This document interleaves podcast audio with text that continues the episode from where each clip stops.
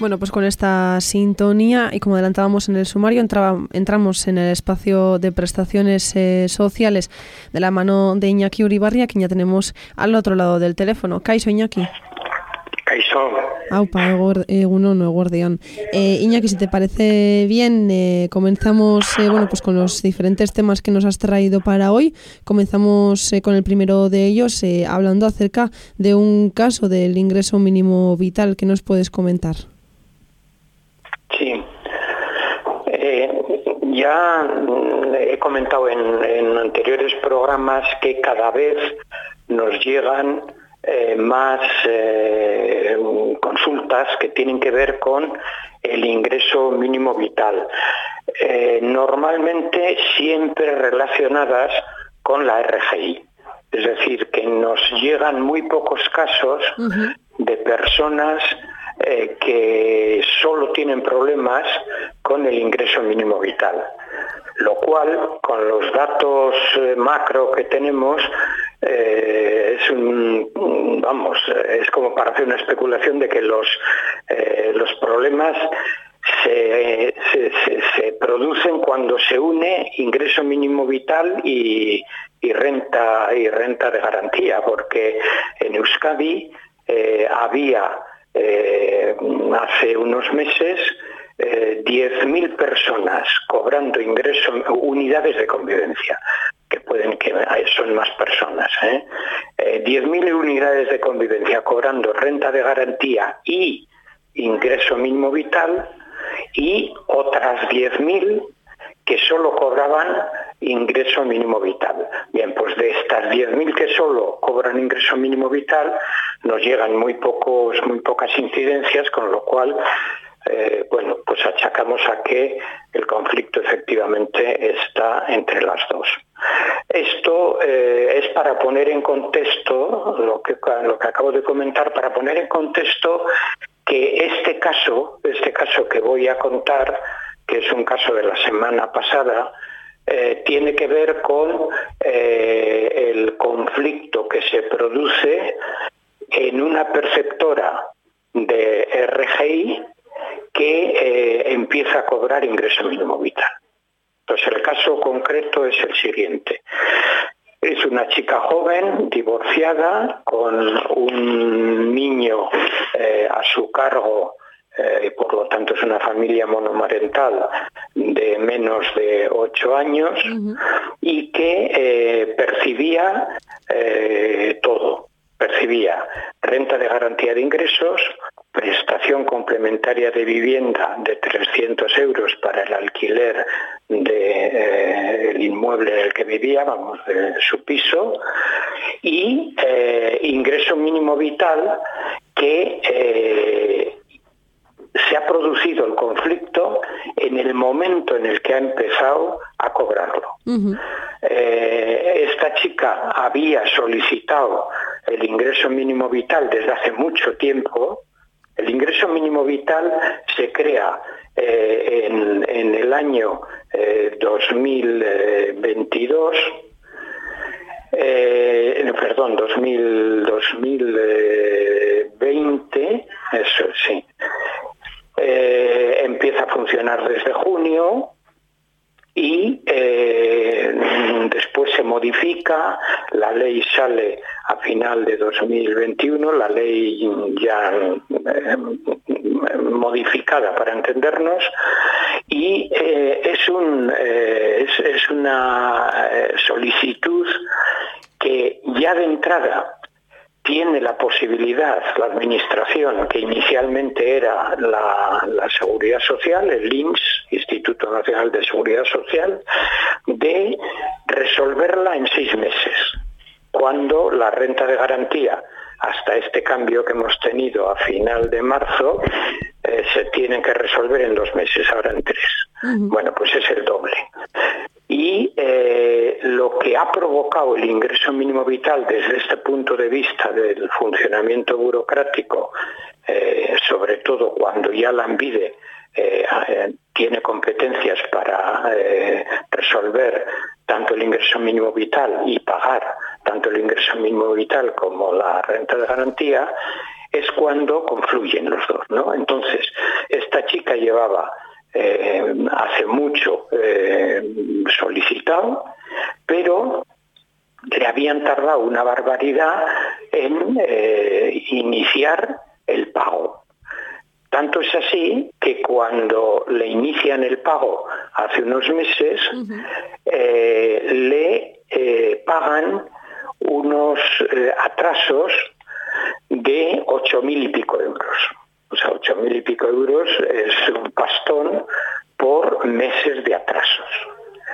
Y le empiezan a pagar el ingreso mínimo vital que le corresponde por una unidad de convivencia de eh, monomarental eh, con un niño a cargo, un adulto, un niño, y luego también le pagan el complemento a la infancia, que son 57,50 euros, y total le sale 916,87 euros de ingreso mínimo vital. Entonces, el problema eh, se le crea porque eh, recibe una revisión de su renta de garantía y de la prestación complementaria de vivienda que eh, resuelve mm, suspenderle. La renta de garantía y eh, la prestación complementaria de vivienda. Y la razón que da la ANVIDE es que está cobrando el ingreso mínimo vital. Dice, joder, pero si el ingreso mínimo vital es más pequeño, ¿cómo puede ser que además por cobrar eh, un ingreso mínimo vital eh, más pequeño, eh, que es verdad que tiene que devolver los 8.000 que al final se han convertido en 7.000 porque le ha, tenía un error Lambide, Lambide y ha corregido. ¿no? Entonces, ¿qué es lo que pasa ahí? Lo que pasa es lo siguiente, y estamos, hemos iniciado ahora el proceso y no sabemos qué, pasará, pero eh, como todos estos casos, lo importante para quien nos escucha es que, se fije si le ha pasado algo similar, pues eh, va a contar eh, lo que en concreto le ha pasado a esta mujer. la valoración que el ANVIDE hace, y la hace desde el punto de vista legal, es decir, que el ANVIDE eh, en esto está actuando legalmente es cuando una persona cobra atrasos del tipo que sea, puede ser atrasos por una pensión, atrasos por el ingreso mínimo vital, cualquier tipo de atrasos eh, de estas características, eh, los considera ingresos atípicos. Y los ingresos atípicos se tienen que dividir entre 60 meses, que son 5 años, y descontarlo de la renta de garantía. Así va devolviendo eh, lo que ha cobrado, que no es que haya cobrado de más, sino eh, donde sí ha cobrado de más porque no se lo ha tenido en cuenta es eh, en la renta de garantía. Le pagaban entera la renta de garantía por el tiempo que ya tenía derecho a estar cobrando el ingreso mínimo vital, pero que no lo habían tramitado. Y todos esos meses los tiene que devolver. Y los devuelve así. La sesentava parte de los siete mil y pico euros eh, se los descuentan de la renta de garantía. Entonces, la situación en la que está esta mujer es que tiene una renta de garantía por una unidad de convivencia de dos personas, una de ellas menor y además con el incremento monomarental, eh, le corresponde una renta de garantía de 1.093,72 euros. De eso hay que restar lo que antes he dicho de el convenio, el convenio, perdón, el ingreso mínimo vital, 916,87. Entonces, en los cálculos, a esta mujer lo que le sale es que todavía le queda una eh, renta de garantía de 176,85 euros, la resta anterior, pero de ahí tiene que pagar la sesentava parte de los siete mil y pico euros. Entonces, no sé qué, qué cuenta ha hecho la Ambide, pero eh, la Ambide ha dicho eh, lo que tienes que pagar por devolver el ingreso mínimo vital eh, que no se te ha descontado de la RGI es superior a 176,85. Luego te quedas sin nada de renta de garantía y lo que es peor, como no tienes derecho a la renta de garantía, te quedas sin prestación complementaria de vivienda. Es decir, pierde los 300 euros del alquiler de la vivienda. Si eh, hacemos la cuenta, yo he hecho la cuenta con 7.000 eh, euros, 7.000 euros que es eh, un poquito más, da exactamente igual, lo que ella tiene que devolver con ingresos atípicos. Divide 7.000 entre 60 y sale 117 euros. Eh, son 116,66. Claro, 116,66 euros restado de 176 da 60 eh, euros. Es decir, que aunque la envide eh, le descuente que le tiene que descontar el ingreso atípico, la sesentava parte, todavía esta mujer tendría derecho a 60 euros de, de RGI, que es muy poquito, pero bueno, ya lo está cobrando como IMV y ya lo ha cobrado eh, como 7.000 euros de atrasos, pero además tiene derecho con esos 60 euros a los 300 de PCV. Conclusión, eh, siempre que se producen estas situaciones, lo que no puedes evitar es que hagan el descuento como ingreso eh, atípico, que es dividir los atrasos entre 60 meses y que te los descuenten de la RGI.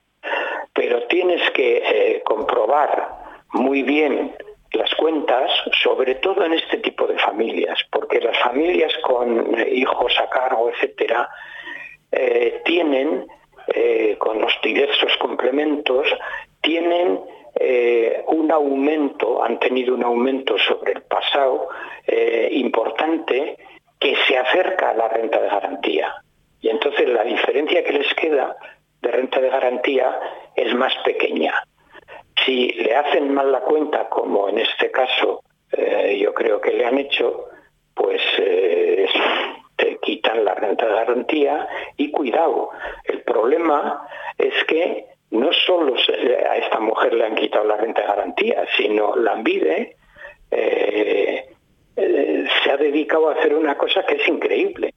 Ha ido dos veces a presentar de nuevo solicitud de renta de garantía, que la Ambide como eh, un mero buzón que lo debe recoger, luego te contestará por escrito, no se lo quiere recoger. Le dice, no, no, tú no tienes derecho a presentar solicitud hasta el año, no sé por qué le dicen 2027, porque es en realidad cinco años desde que eh, empezó a tener derecho a cobrar el ingreso mínimo vital, porque cinco años tardará en pagar eh, esa cantidad y si la ANVIDE tiene razón, en cinco años no tendrá derecho a la RGI y tampoco a la PCV.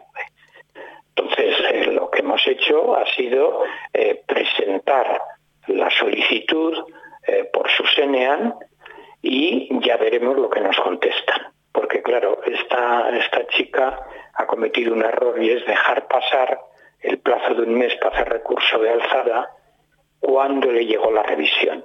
Entonces ahora necesitemos, necesitamos que nos llegue, eh, aunque sea una denegación de la renta de garantía, porque nos da derecho en un mes a hacer recurso de alzada y ponernos eh, en modo, en modo eh, conflicto con la ANVIDE y llegar al, recurso contencioso, contencioso jurídico para ir por la vía judicial. Entonces, eh, bueno, pues eh, simplemente eso, o sea que los casos de la ANVIDE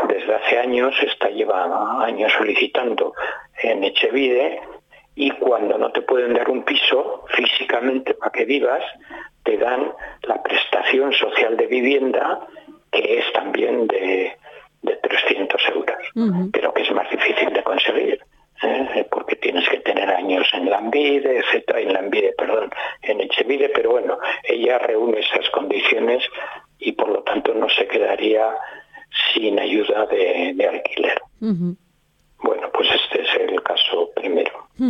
Pues pasamos, si te parece bien, eh, al eh, otro caso o a, bueno, a otro tema de los que nos has traído para hoy.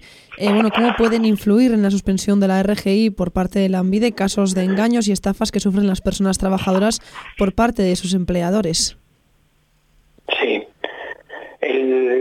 Normalmente un caso como el que luego voy a contar, que tiene una parte de sindical que es incluso más importante que la de la RGI. ¿eh? Y entonces, bueno, pues se lo va a llevar eh, el sindicato SK y esperemos que le salga bien.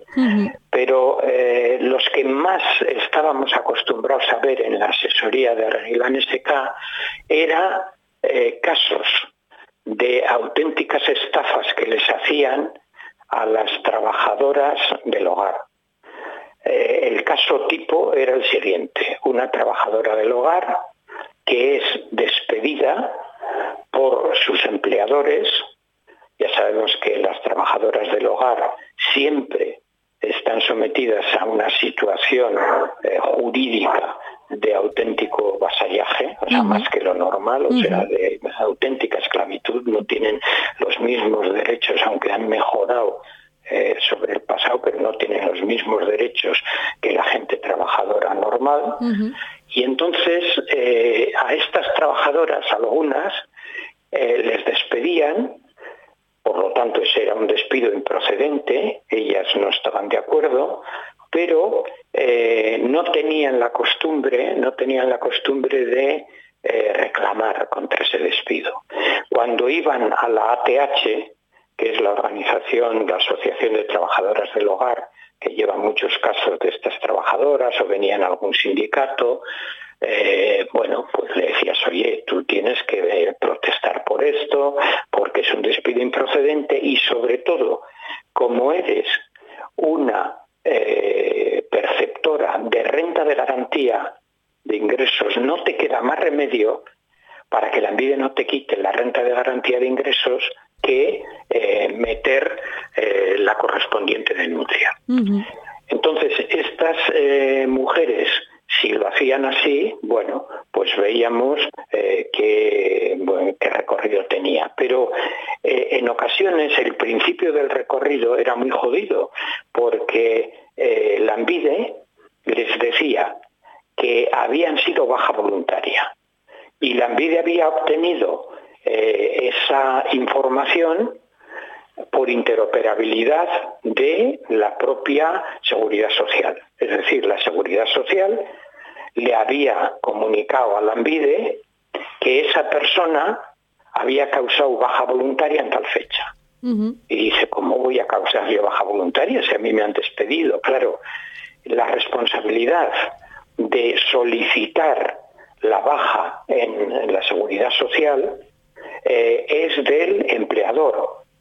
Entonces el empleador o la empleadora había dicho para quitarse problemas y sin ver el perjuicio enorme que le causaba a esta trabajadora, a la que además había despedido eh, con un despido improcedente, eh, había hecho lo clásico, decir, no, no, se ha dado de baja voluntaria.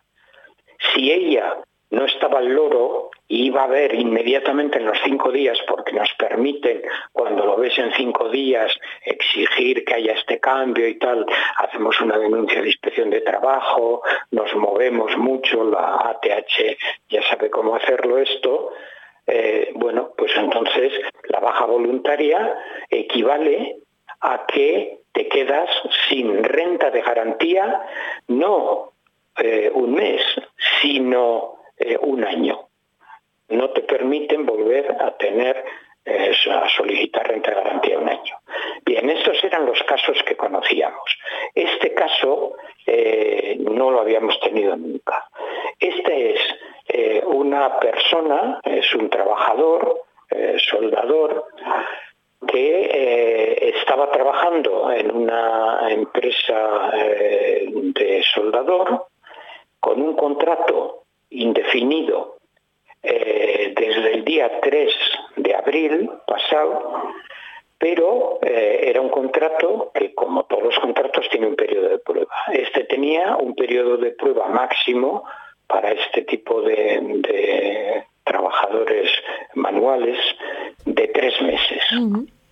Entonces, eh, el empleador le paga el mes de abril, no le paga el mes de mayo y le despide el 1 de junio. Y le despide con sin causa, es la única posibilidad de hacer despidos sin causas, que es cuando te hacen en periodo de en periodo de prueba. Y no se puede hacer nada contra eso. Es decir, en periodo de prueba no tiene que demostrar nada porque para algo te está probando si eres bueno o malo trabajador sin decir por qué eh, no le gustas al empresario, eh, van y te despiden. Bueno, eso a efectos de despido tiene la misma consideración que un despido improcedente, solo que no tienes que meter todo contra ello ni nada. La ANVIDE no puede decir nada contra estos despidos eh, producidos por, baja, salvo que en el propio despido de baja pusiera eh, alguna, algún problema eh, del empleador contra el trabajador del que tenga conocimiento la y te pueda perjudicar, ¿no? Y dice, no, no, esto es que tú has tenido la culpa, etcétera. Y como no se pueden recurrir, no se puede una demanda contra estos despidos, pues bueno, o sea, te la cargarías en ese caso, pero no es lo normal. Lo normal es que eh, tú presentas la baja en periodo de prueba al, al, ANVIDE y sigues cobrando del ANVIDE. El problema de este hombre, que estaba realmente asustado con el empresario, es que eh, como no le pagaba pesar de que le estaba llamando constantemente, el mes de mayo y el finiquito, porque por los dos meses que había trabajado él tenía derecho a una parte proporcional de la paga extra del verano y tenía derecho a una parte proporcional de las vacaciones. Es lo que se llama el finiquito. Entonces no le pagaba eso, ¿no?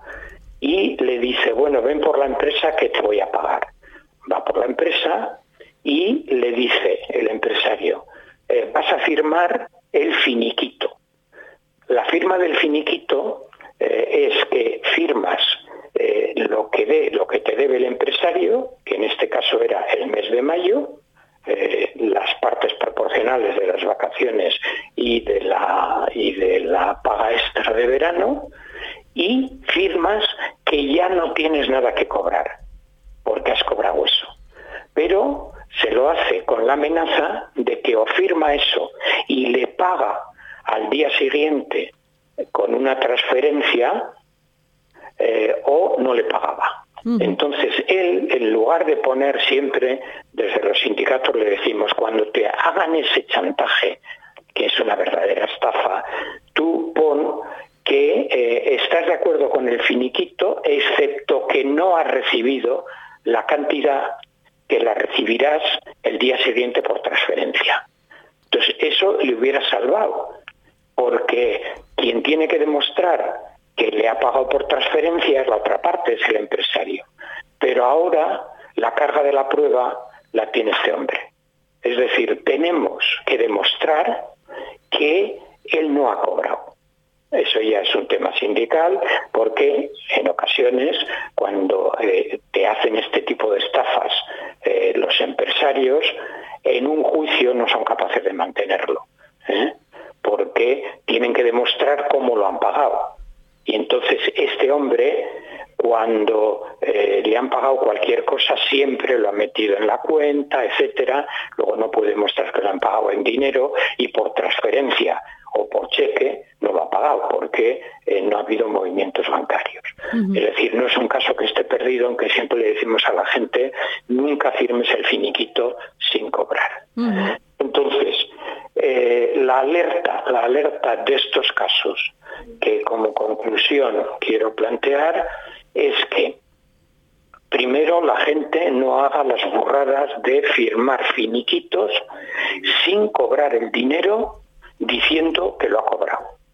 Solamente puedes incluso firmar el finiquito, pero poniendo este, esta anotación que he comentado. ¿eh? Eh, firmo el finiquito, pero eh, no he cobrado el dinero del mismo que me será pagado en tal fecha, o por transferencia, por tal medio, etcétera. Y segundo, que no haya la preocupación inicialmente de que esto en cuanto a la ANVIDE, eh, le puede generar problemas, porque ya vamos a presentar eh, una, reclama, vamos, una reclamación, un eh, documento a la ANVIDE, un,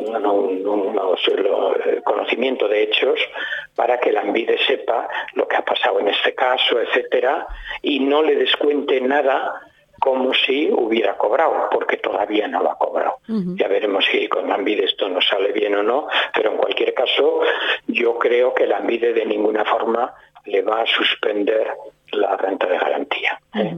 Y el tema sindicalmente esperemos que se gane, pero bueno. Y luego la parte de denuncia que tiene, que estas estafas eh, yo le dije que fuera, no sé si me hizo caso, tendré otra consulta con él, que fuera a hacer esta denuncia eh, a la propia Archaña.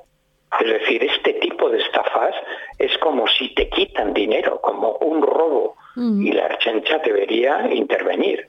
Ya ha intervenido en otro tipo de casos eh, más sangrantes de actuación contra la gente trabajadora, ¿no? Contra sus derechos. Pero bueno, estaremos a la espera y que la gente no sea temerosa ante este tipo de empresarios, porque ahora mismo hay cantidad de formas de, proceder. Ya sé que la gente, sobre todo como este que también es inmigrante, aunque tiene todos los papeles, siempre tiene miedo, ¿no? Pero en fin, que el miedo no te haga dejar que te derroten antes de ser un poco duro. Pues Iñaki, nos quedamos eh, con estos eh, casos, con todo lo comentado hasta ahora y con esos eh, consejos que nos has ido dando.